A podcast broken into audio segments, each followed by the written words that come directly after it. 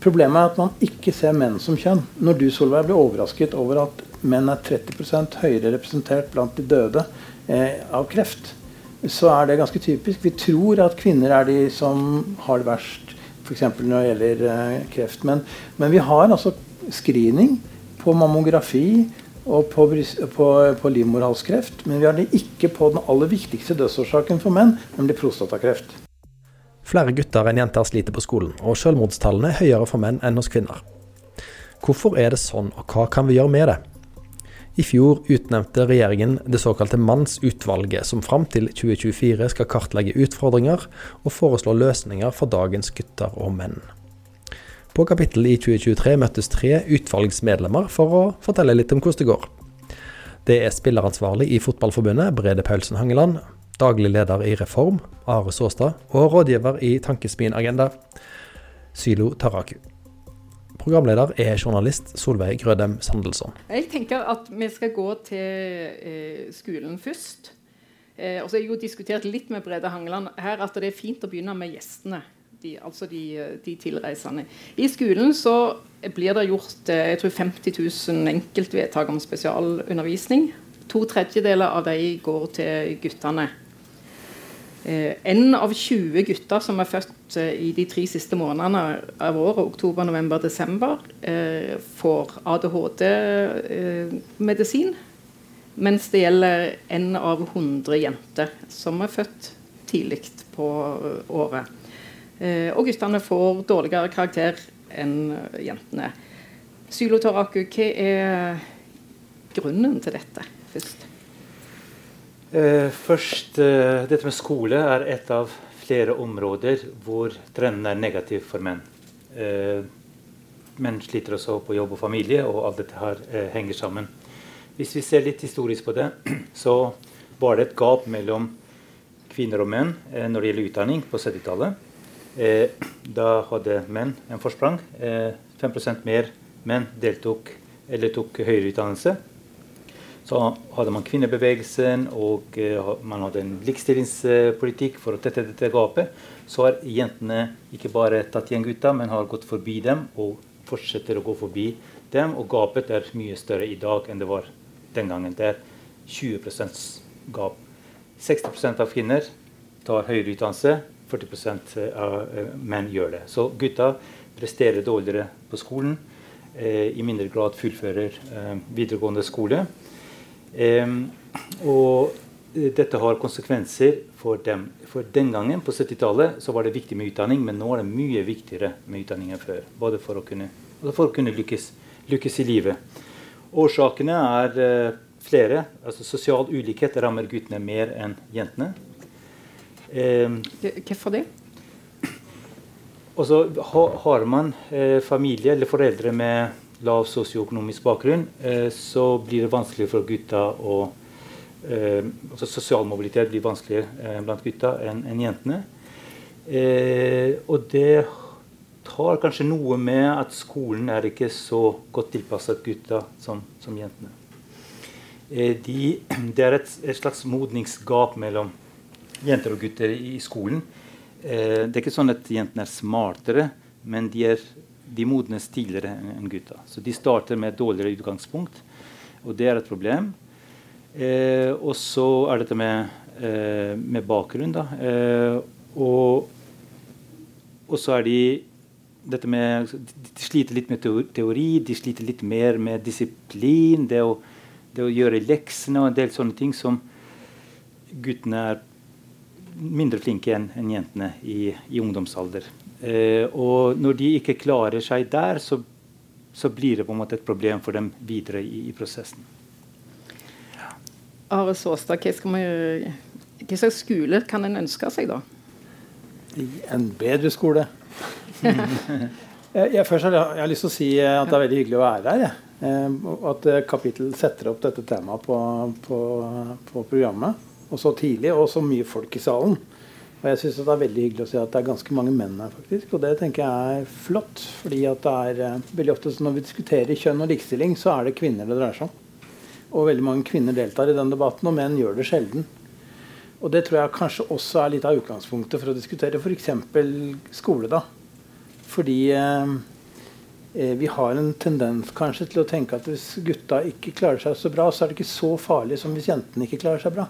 Altså gutter er På en måte tenker vi at det å være mann, det å være gutt, det skal være litt tøft. Det skal liksom innebære noe motstand. Man blir litt bedre mann hvis man liksom får den motstanden. Så når gutter f.eks. detter fra i skolen, spesielt i videregående skole, gjør jo menn gutter det i en god del større grad enn det jenter gjør, så har vi kanskje en tendens til å tenke at dette her er greit. Og så ser vi at det kan føre til et problem. Vi tenker at det går nok bra etter hvert. I veldig mange sammenhenger så tenker jeg at hvis det hadde vært motsatt, hvis det var jentene som datt ut, så hadde vi nok satt inn likestillingstiltak mye tidligere. Vært mye tydeligere på at vi ønsket å gjøre en likestillingsforskjell da, enn det når det gjelder, uh, når det gjelder gutter. Så det tror jeg er noe av forklaringen, i tillegg til det som Sylo har sagt her. Brede Hangeland, med, um, jeg må jo si først altså eh, Fotball, spillerutvikler, eh, landslaget Det er ikke akkurat de underprivilegerte menn du går blant, vil jeg tro da. Hvorfor er du med i, uh, i mannsutvalget? Det, ja, det har jo jeg òg lurt på, blant, uh, blant, intellektuelle og forskere. Men det er noen uh, helt vanlige mennesker òg i mannsutvalget, og jeg, tror kanskje jeg er et av de. Um, jeg er jo en jentepappa, så på skolens uh, på, på, på, det området så, så, har jeg jo erfaring med å høre om alle disse guttene. Ja. Uh, som er et problem uh, opp gjennom barneskolen. ganske konsekvent at guttene klarer ikke å være stille. De klarer ikke å oppføre seg så fint som en skal på skolen. og de rett og slett er litt trøblete. Mm. Det har vært veldig interessant Eh, observerer det over noen år med tre forskjellige døtre i, i forskjellige klassetrinn. Og så ser disse problemguttene på en annen arena, fotballbanen. For der går det nemlig veldig fint med dem. Uh, der er det ikke noe særlig problem, er min erfaring. Dette er jo anekdotisk bevis, ja. men min erfaring er Jeg de ofte. Ja, uh, noen ganger er de rett òg. Ja. Uh, ja. Men uh, det en kan gjøre på fotballbanen, det er å snakke litt hardt til de unge guttene. Og så si du, nå må du oppføre deg, og her forventes det sånn og sånn. Og så løser det seg ganske ofte fint. Mm. Så min sånn, uh, litt personlige teori er jo det at, at, skolen passer litt bedre for jentene enn for guttene. Og når det oppstår noen problemer med, med en gutt eller noen gutter, så blir det litt sånn ta tak i følelseslivet. Mens det du egentlig bør gjøre, er å være litt streng med dem og gi dem litt aktivitet. Og litt sånn guttastemning eh, i skolen òg. Eh, det tror jeg mangler, rett og slett. Og det bør jo vårt utvalg prøve å gjøre noe med, hvis det er mulig. Ikke så mye snakk, kanskje? ja, av og til må en ut og springe. Eh, klatre litt i trær. Ja. Såstad, du Ja, men Det er jo helt riktig. Altså, for det første så tenker jeg det er veldig, altså, Dette mannsutvalget som vi sitter i Vi er ikke oppnevnt, har ikke oppnevnt oss sjøl, så vi, hvorfor vi sitter her, vet vi jo ikke helt. Men at det er sammensatt med så ulik bakgrunn, gjør at vi også har veldig gode diskusjoner med eh, erfaringer fra ulike samfunnsfelt. Så det Brede sier her, er kjempeviktig. Fordi En av de tingene vi vet når det gjelder skole og gutter, er at gutter profitterer på praktisk undervisning. Eh, og i større grad enn det jentene gjør. Og er, Skolen er i ferd med å bli mer og mer teoritung, mindre og mindre praktisk orientert. og Det er en av årsakene. Og så er det det som Sylo var inne på her, at når alle skal begynne når de er seks år gamle på skolen, så er ikke gutter like godt modne som det jenter er. Det er rett og slett en biologisk forskjellsutvikling da, mellom gutter og jenter. Så hvis du da kommer på skolen og er egentlig mest opptatt av å leke, mens jentene i sånn gjennomsnitt kanskje allerede har knekt lesekoden, så får du i utgangspunktet en veldig stor forskjell som du ikke klarer å kompensere for seinere. Det fører til frafall i videregående skole. Det fører sannsynligvis også til at du får en mye høyere andel nå eh, i høyere utdanning som er jenter, damer, enn en menn. Så vi, vi, er i ferd med å få en veldig overvekt der som er i ferd med å tippe over til, til den motsatte ytterlighet som vi har hatt tidligere. Mm. Bare for å legge til eh, noe der. Eh, altså den eh, Aldersforskjellen, den biologiske, kan være ikke bare ett år, men opptil fire år. Så Det sier noe om, om, hvor store forskjeller det er. Og helt enig med, med Bredde, for jeg har også en sønn som eh, har fortalt meg at han trives mye bedre på fotballtrening enn, enn på skolen. Eh, og eh, det er sånn at i skolen det er kvinnelige lærere som, som dominerer. Og det er blitt sånn at det er eh, kvinners, eller jentenes oppførsel som er standarden. Eh, så det er nesten sånn at bli mer som jenter, så vil de klare deg. Eh, det er sånn holdning gutta møtes med. Men er, de, er litt, de, er litt forskjellige, så skolen bør tilpasse seg begge, altså begges natur.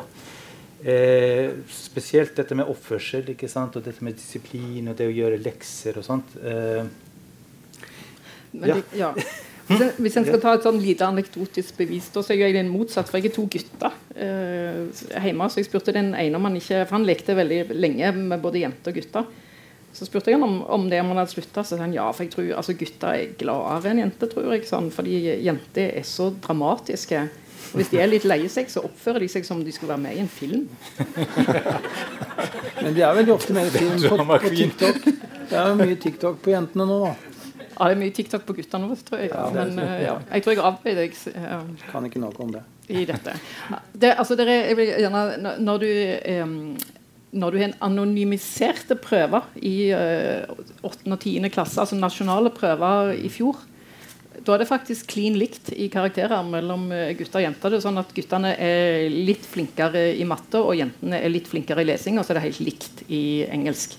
Uh, men uh, når de er kjent for læreren hvem de er, så gjør guttene det mye dårligere. Ja, For de straffes for oppførselen? Noe må det være, tror dere det? Nei, ja, Om de straffes, det kan vel diskuteres. Men det som i hvert fall er interessant med å ha diskutert mye i utvalget, det er uh, spiller det noen rolle i forskjellige yrker om det er kvinner eller menn som jobber der. Det er jo en interessant diskusjon. Men du kan argumentere for at det spiller i hvert fall en rolle i yrkene som treffer mennesker direkte, og spesielt når det treffer barn. Så I barnehagen og skolen så kan jeg argumentere godt for at det er viktig med en viss kjønnsbalanse blant de som jobber der fordi at uh, det er gutter og jenter i skolen. Uh, og så er det ikke sikkert at fisken bryr seg om den som sløyer den, er mann eller kvinne. Men noen yrker betyr det noe. Barnehage, skole, leger, sykepleiere, psykologer. Uh, de som tar vare på de eldre. Altså de som er i kontakt med mennesker. Der uh, syns i hvert fall jeg, jeg får jo snakke for meg selv, ikke for utvalget, at det, det betyr noe med en kjønnsbalanse blant de som jobber ja. der. Der har vi jo et ekstremt kjønnsdelt arbeidsmarked i, uh, Norge. Altså det er, hva skal en gjøre for å få opp uh, mannsandelen i disse omsorgsyrkene? Ja, dette henger jo sammen. Uh, så, sånn at det at man har få menn i de yrkene som tradisjonelt er kvinners domene, det er også et uttrykk for at vi ikke har gjort nok for å få menn inn i omsorgsyrker. Og det betyr også at vi ikke har fått dem inn i skolen. Og det har klart det påvirker til en viss grad hvordan man møter gutta. Eh, jeg, har, jeg er ikke tilhenger å si at bare vi hadde fått mange flere menn i skolen, så hadde skolen blitt mye bedre for gutter. Men det er viktig at vi har en viss sånn likedeling der også. Og rollemodeller betyr ganske mye for unge barn og unge mennesker. i det hele tatt. Altså At man har noen som kan vise at 'jeg har gått foran og vært lærer'. Jeg er, barnehage, jeg er barnehagelærer, men altså i Norge så har vi 10% mannlige sykepleiere. Og vi har rundt mellom 15 og 20 barnehageansatte som er menn. Og der står det omtrent stille. Og i noen sammenhenger så går det tilbake. F.eks. når det gjelder lærere i, bar i, barneskolen, så går antallet menn tilbake. I motsetning til, hvis vi ser på det som kvinner har vært i undervekt eh, på eh, teknologi f.eks., så har man ganske kraftige virkemidler for å få mange flere kvinner inn. Eh, noe som heter Kvinner i teknologi, mm. som har faktisk hatt stor betydning til at mange flere nå tar disse matematikutdanningene på universitetet. Det er jo et, et stikkord her, altså lønn. Eh, ikke at det Ja, vi må ha lønn. Ja, lønn. Eller det, de er altså eh, lærere, sykepleiere, barnehagelærere eh, De har nok sakka eh, de siste åra. Eh, diskuterer dere, Har dere lov til å slenge inn litt lønn og sånn i utvalget? Ja, vi har lov til hva som helst. Dere kan gjøre hva som helst. Ja, så bedre lønn uh, vil uh, sånn, tiltrekke menn. Det er ingen tvil om. Ja, det så, men det var litt al alvorlig meint. Altså at det er um, ikke nødvendigvis at, uh, at menn bare går etter lønn. Men, men her er, tror jeg nok at, de, at en ikke kommer utenom å snakke om lønn i disse yrkene. Det har du nok rett i. Men så er det én ting til som er viktig i den sammenhengen. Eh, det er menn og omsorg. For det blir diskutert mye i utvalget. Og Hvis en drar noen litt lange linjer Nå gjorde Sylo det i stad, så her kommer en ny lang linje. Ja. For noen tiår siden så begynte kvinner å bevege seg inn på arbeidsmarkedet. Eh, med stor suksess. Sant? Og i dag så ville ingen sagt at kvinner ikke er kompetente på arbeidsmarkedet. Det ville jo vært uh, en idiotisk uttalelse i 2023. Men Altså menn, uh, ikke menn, men menn. Men så kan, du, ja, så kan, du, stille spørsmålet er, um, har, har, menn fått den samme anerkjennelsen på området omsorg som kvinner helt rettmessig har fått på området arbeid? Uh, for de to tingene der er jo liksom det en holder på med i voksenlivet. Det er arbeid eller omsorgsarbeid hjemme. Uh, og jeg tror jo at Svaret på det er nei. Jeg tror at uh, både noen strukturer og noen holdninger i samfunnet sier at menn ikke er så flinke omsorgspersoner som kvinner. Og så er min påstand at det er jo da feil. Det er da feil. menn kan utøve akkurat den samme omsorgen som kvinner. og det er viktig at det blir anerkjent både for sønner og døtre og for foreldre og fordi at vi vil ha flere mannlige sykepleiere, f.eks. Så, så det er jo òg et, et, et, tema for mannsutvalget som er viktig. At menn kan anerkjennes som omsorgspersoner. Og mange menn vil til og med være omsorgspersoner. Uh, jeg er en av dem, og sikkert to andre her. Ja, ja, ja. Kan dere, eh, blir, blir, positive sider med menn oversett i det, i det offentlige, f.eks. når det gjelder omsorg? Ja, det, Omsorg er så et, et litt sånn tøyelig begrep. Ja. Men én uh, side av omsorg som man kan kalle det, er uh, altså den tradisjonelle mannlige forsørgerrollen i familien. Det er jo den hvor menn tjener penger for at familien skal klare seg, mens uh, mødre er hjemme. Vi prøver å komme oss bort fra det. Men det er også en tendens å undervurdere viktigheten av den forsørgerrollen. Eh, altså at menns forsørgerrolle, og, for så vidt oppgaver i samfunnet for øvrig også, eh, har jo hatt stor betydning for at vi har klart oss både i familien og i næringsliv og som samfunn, egentlig. Eh, men det er en tendens å si at dette er ikke så viktig oppgave lenger. Eh, og så skal ikke jeg da si at det er viktigere enn at det er like viktig som å, å, være omsorgsgiver i familien. fordi at menn som da har den forsørgerrollen, den tradisjonelle rollen, de mister jo den muligheten til å være en forsørger eller omsorgsgiver i familien. Og det er kjempeviktig for, for lykken i livet ditt, for hvordan du utvikler deg, og hvordan kontakt du har med barna dine. Så dette omsorgsbegrepet er helt enig med Brede. Det å si at menn i utgangspunktet har den samme omsorgsevnen altså da, altså en, Et nytt ungt eh, eh par med et nyfødt barn eh, mor og far der kan i utgangspunktet ingenting mer enn den andre om å skifte en bleie. Man må lære det. Omsorg må læres. Det er ikke noe du er født med. Da skal du være ganske fundamentalistisk altså når det gjelder biologi. Dette er ting vi må lære. Enkelte ting kan kvinner selvfølgelig bedre enn menn. F.eks. å amme. Det kan ikke menn gjøre. Og da må vi fordele oppgavene. Men når det gjelder den omsorgsdelen og det å ta del i barnas liv, kjærlighet, det har menn i akkurat like stor grad som kvinner muligheten til å utøve. Altså, det står jo, Hvis du går på alle Iallfall på alle fotballbanene rundt i Stavanger, så står det jo menn og fedre i eh, regn og vind og kuling og snø eh, og lærer andre sine unger å spille fotball. Altså der, eh, de legger jo ned stor, et stort stort omsorgsarbeid i, eh, i frivillig eh, sektor. Eh, men jeg vet ikke om, de, om vi snakker så, så, ofte om det når vi snakker om eh, hva som er viktig for at ungene våre skal ha det godt. Jamlig? Ja, kanskje, kanskje, ikke det. Eh, når Are snakker om eh, forsørgerrollen Det har vært en, en, rolle menn har hatt, eh, og menn har følt seg trygge i, i den rollen. Eh, men nå, når man ikke har det, så, så oppstår det en slags identitetskrise hos menn. Eh, hva, er, hva, er, vi for eller til? Mm.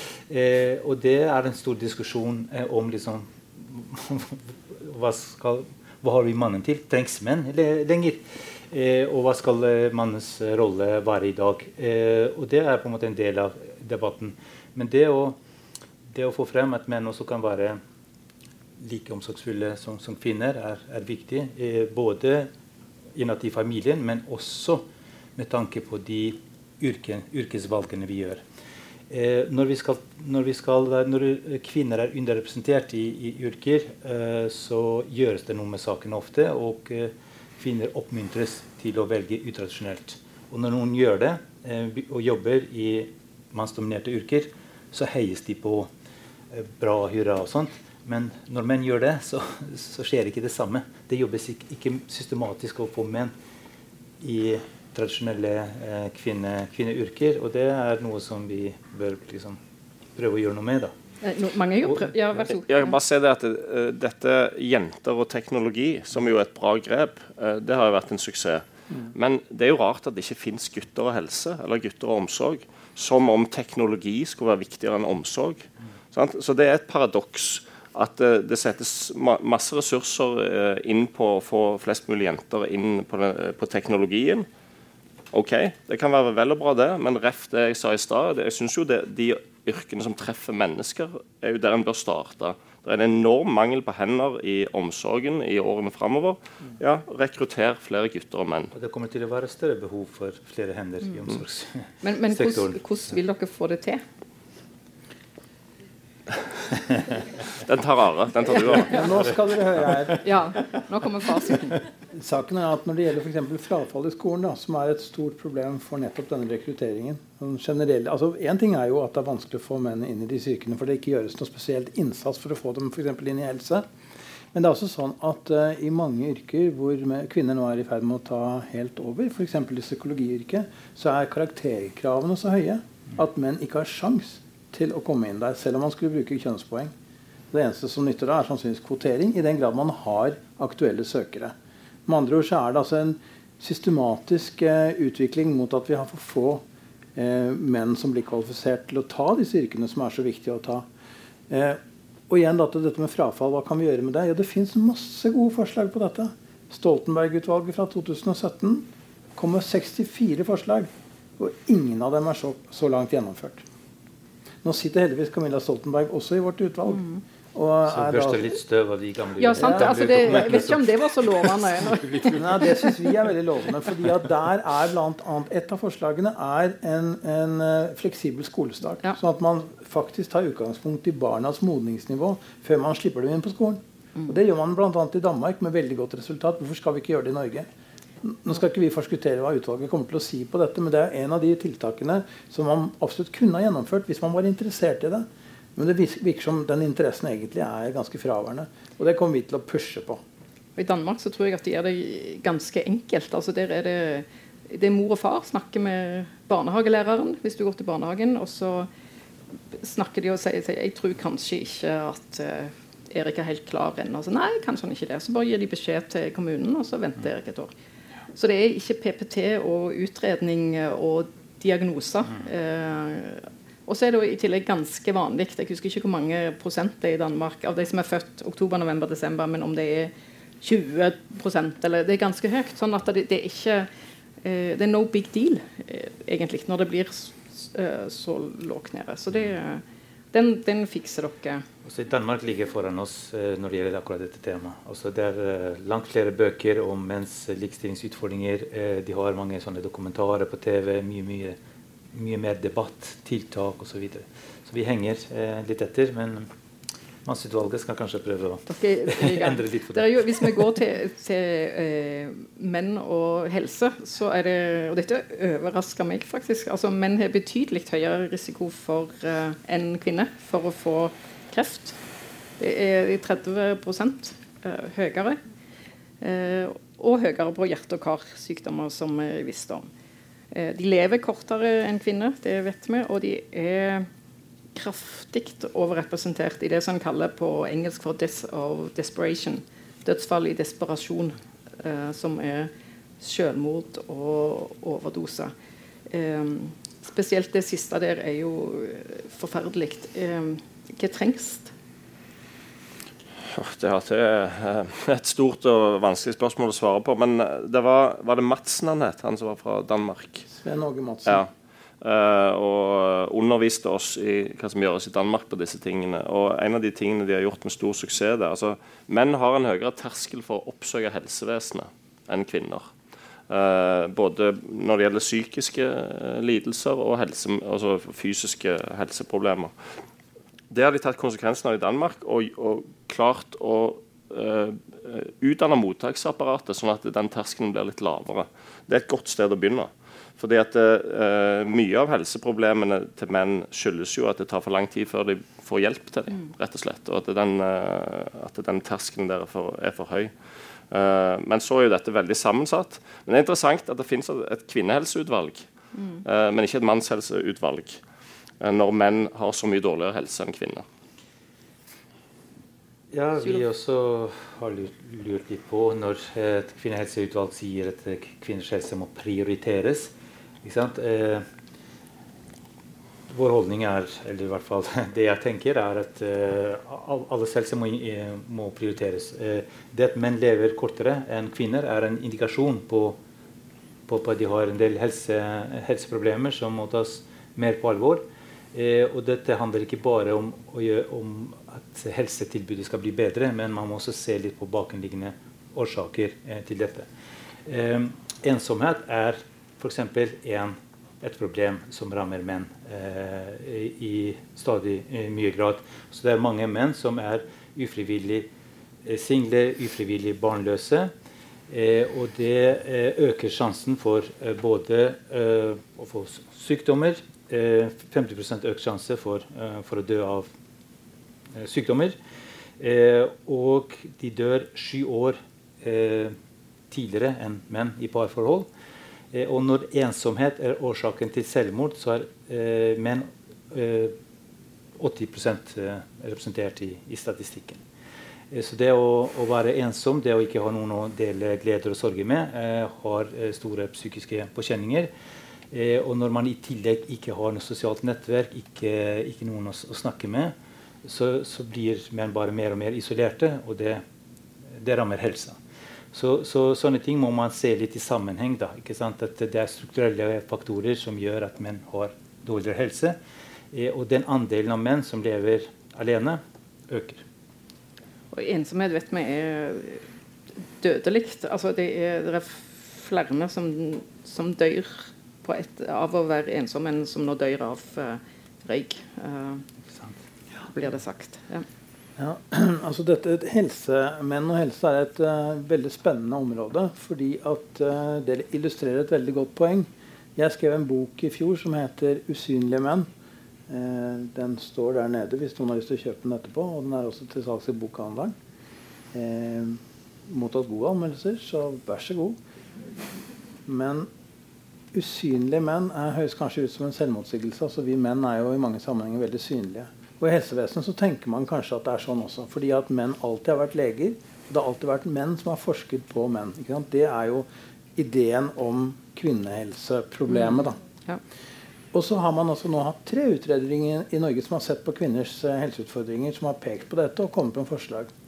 Og også funnet ut hva er det egentlig kvinners helse består av. Fordi man har sett kvinner som kjønn. Problemet er at man ikke ser menn som kjønn. Når du Solveig, blir overrasket over at menn er 30% høyere representert blant de døde eh, av kreft, så er det ganske typisk. Vi tror at kvinner er de som har det verst, f.eks. når det gjelder eh, kreft. Men, men, vi har altså screening på mammografi og på, på, på livmorhalskreft. Men vi har det ikke på den aller viktigste dødsårsaken for menn, nemlig prostatakreft. Det dør 1000 menn i Norge i året av prostatakreft. Og det er eh, en 40 000-50 000 som får diagnosen og lever med dette.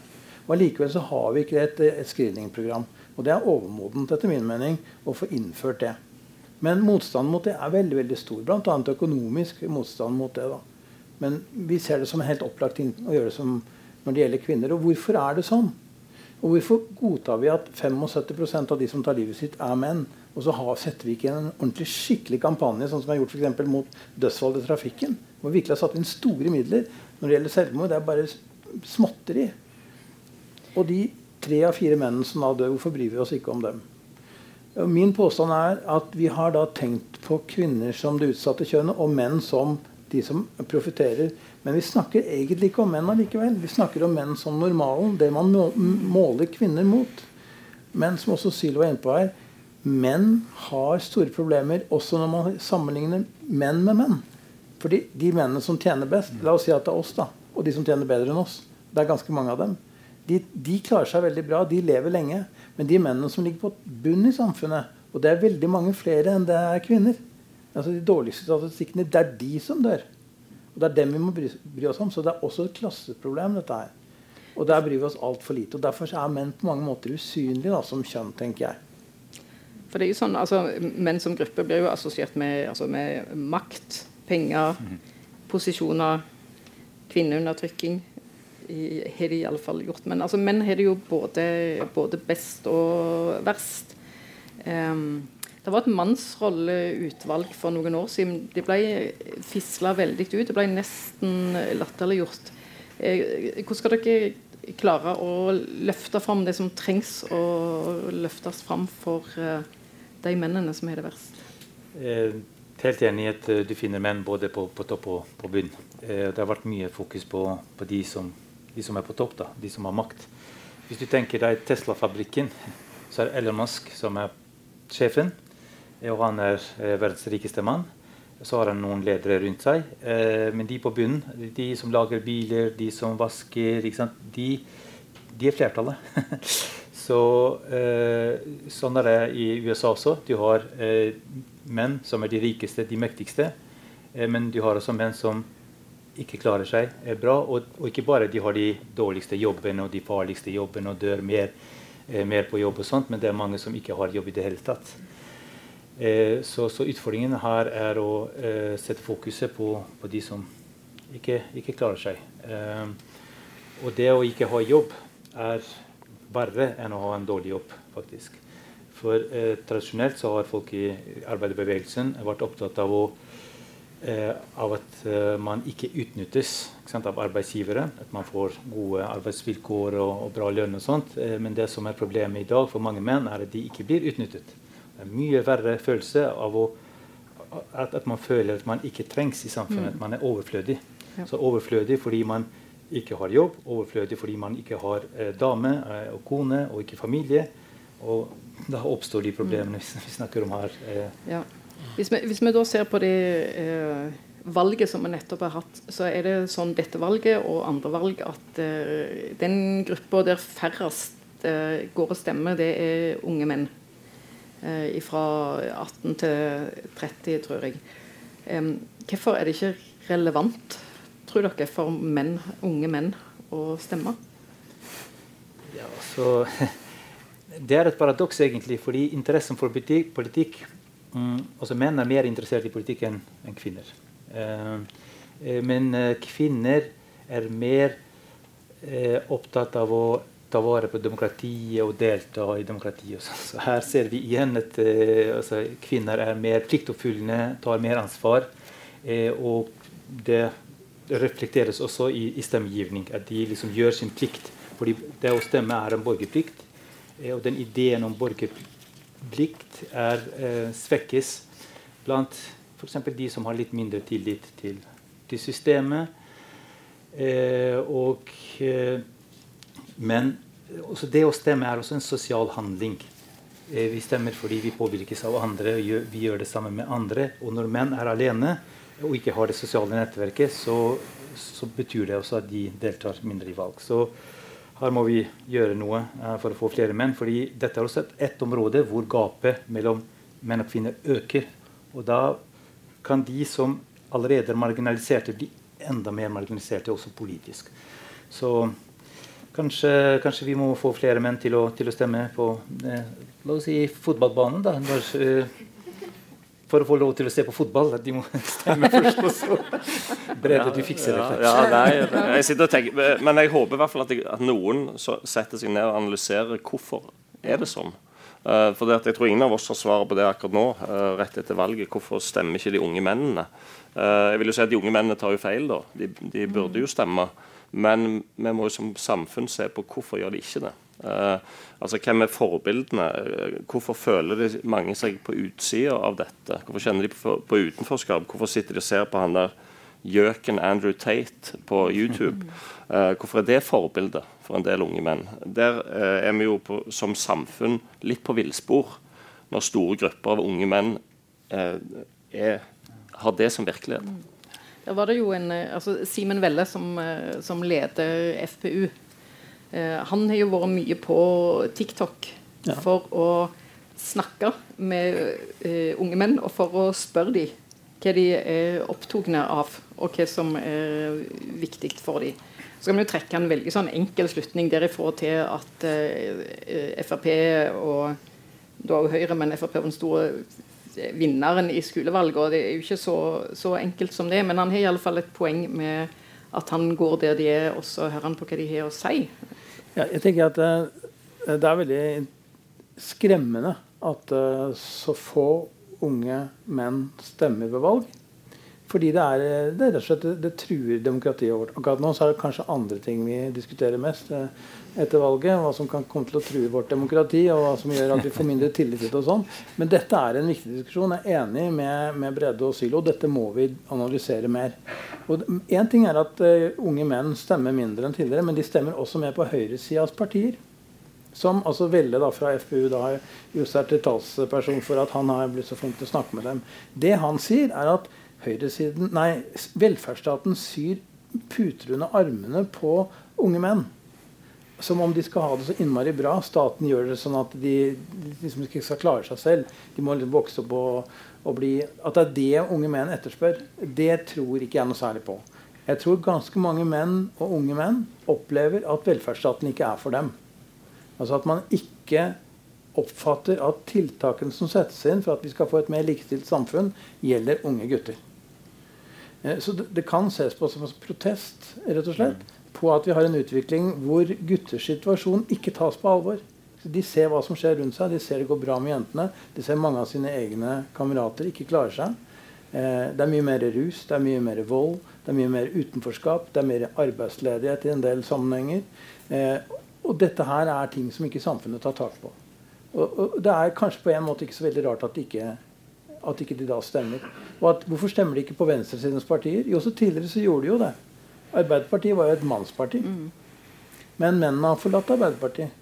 Og da vil jeg si at når, ikke, når venstresiden svikter mennene, så svikter også mennene venstresida. Det bør venstresida i hvert fall ta en diskusjon på, som jeg syns de har vært altfor dårlige på. Her med agenda bør jo gjøre ja, det, det, det, tenker vi på. for dette er en utfordring for, for venstresiden. Eh, for det også har noe med, eh, med narrativet og hvor mye de kjenner seg igjen i eh, når politikere snakker om la oss si, likestillingsutfordringer og sånt. Eh, altså, vår generasjon eh, har vært veldig opptatt av likestilling eh, og det å fremme kvinner. mens de unge de, de, kjenner seg ikke igjen i, i, den diskursen. Fordi de ser at jentene klarer seg bedre enn dem. De ser at jentene er vinnere. Så det er en slags motreaksjon også eh, mot eh, den diskursen som vi voksne har, som, som ikke samsvarer med deres virkelighet. Eh, så det er en av de tingene. Når det gjelder valgdeltakelse, bare en, eh, i, i, tilfelle noen tror at utdannelse har mye å si. Også utdannelse har mye å si eh, for valgdeltakelse, og jenter er bedre utdannet.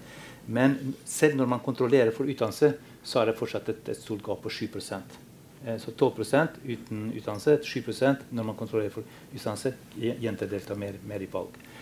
Eh, så dette er en slags motreaksjon, eh, ser vi, eh, som, som, vi må ta på alvor. Og så er det det du snakker om, Are, at gutter liker å høre at de må ta mer ansvar. og og mange politikere og mange stemmer i den såkalte manusfæren på internett sier at gutta må ta seg sammen for å lykkes. Eh, det er bra, eh, men det er ikke, måte, det er ikke svaret. Eh, fordi det er ikke sånn at det, dette problemet er altså, Vi må ikke individualisere dette problemet. Når, når kvinner eh, har hatt likestillingsproblemer, eller har, så, ser, så sier vi ikke at det er noe galt med, med, de kvinnene som henger etter. De må ta seg sammen, de må skjerpe seg. Mm. For da blir det bra. Vi har ikke sagt det. Det vi har sagt, er det er noe galt med samfunnet, mm. det er noe galt med strukturene. Vi må ha politiske tiltak for å rette opp dette. Samme tilnærming må vi ha for gutta også, fordi det er ikke, det er ikke deres skyld at uh, de problemene vi har pekt på, det er ikke sånn at de individuelle uh, guttene har, har ansvar for. Det, det, er noe med, med, definisjonsmakt her, og med hva vi, tar for gitt uh, og ikke. For det, det, er Fremdeles er det lov å knytte menns uh, problem til menns sine egenskaper. Noe som ligger i, i mannen. Det var uh, et intervju med en, med en islandsk forfatter i, i Aftenposten, eh, der hun får, eh, får si at egenskaper som aggresjon, usikkerhet, hierarki gjør menn mindre empatiske, og det er egenskaper som gir dårlige forutsetninger for å lykkes. Um, det, det, du, det, tror jeg ikke det kunne du ikke sagt om kvinner uten å få noen motspørsmål fra eh, journalisten. Eh, men det kan få lov til å stå når vi snakker om eh, menn. Eh, hvis det er kvinner, så har vi etter hvert iallfall vi som er godt voksne, med oss en, en historie der vi en, med en gang så spør vi etter eh, strukturer. Mm. Eh, samfunnet. Hva er det rundt som gjør at eh, kvinner faller ut eh, her og der. Men hvis det er menn, så kan man fremdeles si at det, er jo sånn dårlige mannlige egenskaper. Um, det, ja, ja, det var kanskje mye å legge på dere og snu den, da. Men, men eh, det, det fins noe der som ikke er greit. Jeg syns Brede skal svare på den. altså. Ja. det? ja, den er lett å svare på. Nei, men det har dette begrepet 'toxic masculinity' uh, som, som, slenges rundt. Altså, Hva er det for noe? Uh, det er som om det er et problem med uh, Menn er et problem i seg sjøl, eller noen ting ved menn er et problem. Hvis det er tilfellet, så har vi et kjempeproblem i verden, for halvdelen av oss er menn. Ja, det er eh, mange. Ja, eh, så eh, jeg liker jo ikke helt det, og, og, jeg syns du egentlig tar opp noe viktig, for det at du kan ikke Ref de unge mennene. Du kan liksom ikke peke på de og si at det er noe galt med dere. Da må strukturene og holdningene endres for å romme det å være en mann, det å være en ung mann, kanskje til og med en sint mann som ikke helt vet hva han skal gjøre, da må det, den energien kanaliseres inn på noe som kan være til nytte for oss alle til slutt. Eh, det er jo det et godt samfunn gjør, og det burde vi gjøre med de unge mennene. På en måte sånn eh, så Unge menn, og kanskje menn i det hele tatt, må på en måte bære en slags form for små arve, arve, arvesynd i seg. Altså, eh, vi vet at kvinner har vært undertrykt i hundrevis av år. Selv om det bildet også kan nyanseres litt. For det var nok ikke nødvendigvis bare undertrykking på landsbygda. Eksempel. det var jo også arbeidsdeling. Men vi vet at menn eh, har tatt eh, posisjonene. Men eh, det er jo ingen grunn til at unge menn som detter ut av skolen i dag, skal svare for hva menn har gjort i tidligere generasjoner. Det er jo en helt, er en sånn kollektiv skyld i det. Noen hvor du liksom skal rette baker smed på en måte. Som er som er ganske horribel, men som man faktisk møter i diskusjonen. Altså, nå er det på tide at menn får smake hvordan vi har hatt det. Jeg tror ikke de aller fleste tenker det, men jeg tror det ligger en del i politikken og en del i samfunnsstrukturen vår. hvor Vi tenker at nå er det på tide at nå er det jentene sin tur.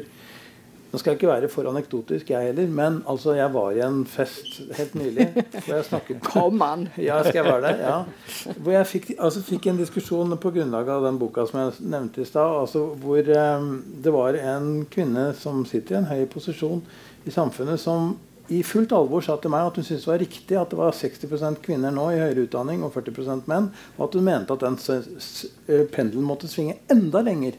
Fordi at nå var det på tide at kvinnene fikk tatt igjen. Og så spurte jeg men hva med de gutta som detter ut, og som ikke klarer seg, som kanskje får et veldig miserabelt liv. Ja, det er vel prisen å betale. Liksom. Det var holdningen. Jeg tror ikke dette er veldig vanlig, men jeg ble veldig overrasket av å høre det av en det jeg trodde var en veldig oppvakt uh, dame. Det, er hun også, men på akkurat dette området så mener jeg det er ganske barbarisk. Mm. Ja, det er noe som eh, For hvis en, hvis en snakker om dette, eller om sånne eh, forskjeller der det virker som maskulinitet, eller kanskje en kan kalle det mannlige verdier Det blir fort veldig store kategorier. dette mm. Så blir menn ofte veldig stille. hvis en Altså Det er bare så vidt dere tar til, til motmæle eller eh, snakker opp uh, snakke opp menn. Jeg syns det blir veldig stilt. At det er en sånn, som denne islandske forfatteren, det ligger sånn bilde av mannen der som gjør at du kan ikke noe annet enn å bekrefte at hun har rett, hvis du protesterer. Ja. Problemet er at de som tar til motmæle, er uh, ofte mannssjåvinister. Ja. Eh, og da får vi denne polariseringen.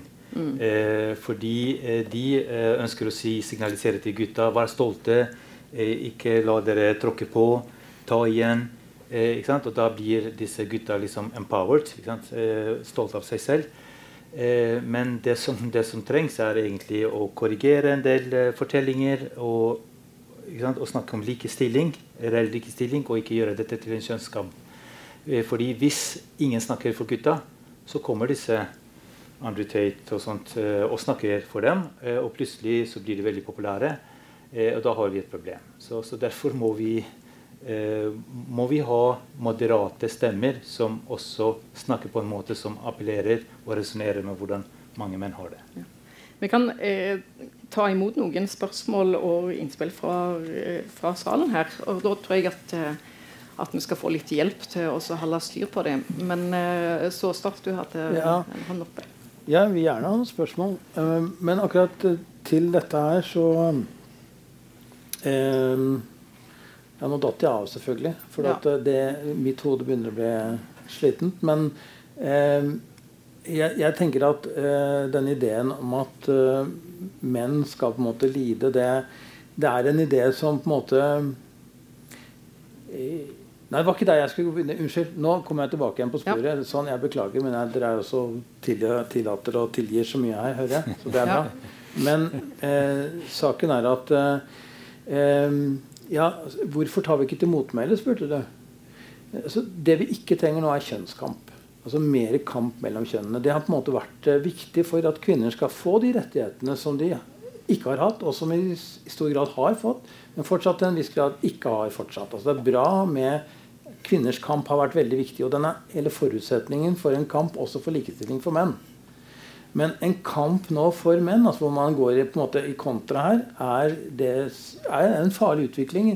Så det er, det er, bedre tror jeg, at vi gjør sånn som vi har gjort i dette utvalget, og holder på med dette utvalget nå, og som snart skal være ferdig i mars neste år med tiltak og en stor NOU.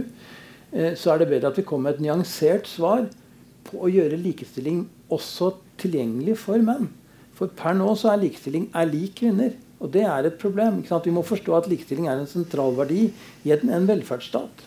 Og da må den omfatte alle. Og nå har vi snakket om menn og kvinner, men jeg har også lyst jeg pleier alltid å nevne, jeg synes det er viktig å si det, det fins flere kjønn enn bare menn og kvinner.